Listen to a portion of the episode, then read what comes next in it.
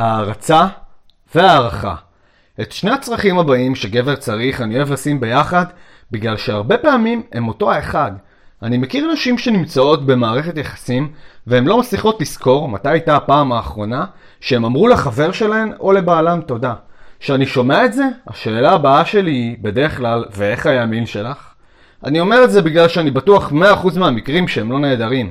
ואז הן עונות לי עם התשובה הבאה, אין חיבור בינינו. ואז אני חושב, נו, ברור שלא. אני לא מנסה להיות מגעיל פה, אבל זאת עובדה. אם את לא מתייחסת לצורך השני הכי חשוב של גבר, אז את פשוט לא תקבלי מה שאת רוצה במערכת היחסים הזו. ואני לא מדבר על פרחים פה. אני מדבר על שאר הדברים שנחוצים למערכת יחסים שתהיי שמחה בה.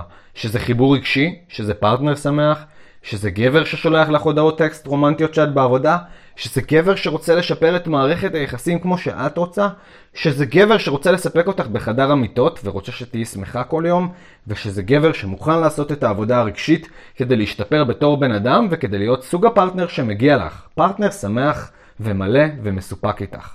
מה שהרבה נשים לא מבינות, שלמרות שגברים נראים כל כך מכילים, עוצמתיים ומבינים מבחוץ, מבפנים יש גבר שהוא די שביר, או שאני צריך להגיד, האגו שלו די שברירי. יש נשים שיכולות להעביר חודשים במערכת היחסים בלי לתת לגבר שום מחמאה. יש נשים שבקושי נותנות לחבר שלהם נשיקה עוצמתית ועמוקה שגורמת לו להרגיש שהוא באמת שלה. גבר שהיא חושקת בו, באם כן לשמתה. נשים אחרות לא נוגעות בגבר בדרך שבה הוא רוצה שיגעו בו, או בדרך שידברו איתו כמו שהוא רוצה, וצריך שידברו איתו, כדי לגרום לו להרגיש בטוח. יום אחרי יום ולהראות לו שאת מעריצה אותו. הערכה היא חובה בשביל גבר, כדי שהוא ירגיש נאהב ושהוא יסכים לתת לך אהבה בחזרה. אני אוהבת איך שדאגת לכל הצרכים שלי היום, אני מרגישה כל כך מוגנת איתך. לדוגמה, זה משהו שאת יכולה להגיד לו, שזו דרך פשוטה, אבל יעילה להראות לו שהוא דואג לך ואת מעריכה את זה.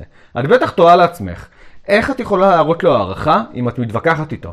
אחד הדברים הכי נהדרים בלהביא הערכה למערכת היחסים שלך, שאחד מתופעות הלוואי שלה זה לגרום לו להפסיק להתרחק ממך, שאפשר להראות את זה בהרבה דרכים שונות. את יכולה להשתמש בהצהרות אני, כדי לספר לו כמה את אוהבת אותו, או כמה את מעריצה אותו, במקום להתמקד במה שאת עצבנית לגביו. בואי ניקח דוגמה. אם השיחה מתחילה להיות מתוחה, תנסי להכניס משהו כמו, אתה יודע, אני יודעת שזה לא נעים מה שאנחנו מדברים עליו, זה למה אני רוצה לקחת שנייה ולחלוק איתך כמה אני מעריכה אותך על אתמול שעזרת לי לתדלק את המכונית שלי. את גם יכולה להראות הערכה בלי להגיד מילה. אם יש לך שיחה עם טון מאשים או מילים לא נעימות, את יכולה פשוט להניח את היד שלך על היד שלו ולהחזיק אותה. ופשוט תחזיקי אותה שם, בזמן שהוא מבטא את הכעס שלו, את התסכול שלו, הבלבול שלו. ושימי את, האצבע, את, את, את האצבעות שלו בשלך. וזה ייראה לו שלא משנה על מה השיחה, את שלו ואת כאן בשבילו, ואת מקשיבה לו ואכפת לך ממנו. אני רוצה שתענני בזמן שהוא מדבר עם הראש. זה ישדר לו שאת שומעת מה שהוא אומר ומעריכה את נקודת המבט שלו. זה ייתן לו לדעת שיש לך נקודת מבט שונה, שאת מאשרת מה שהוא אומר בגלל, בגלל שזה חשוב לפחות כמו מה שאת אומרת. מה הסיכויים שיתרחק ממך שאת משדרת לו אהבה דרך השפה שלך, שזה אומר כבוד, הערצה והערכה. כנראה אפסיים, ואני יודע את זה מעשר שנים של ניסיון.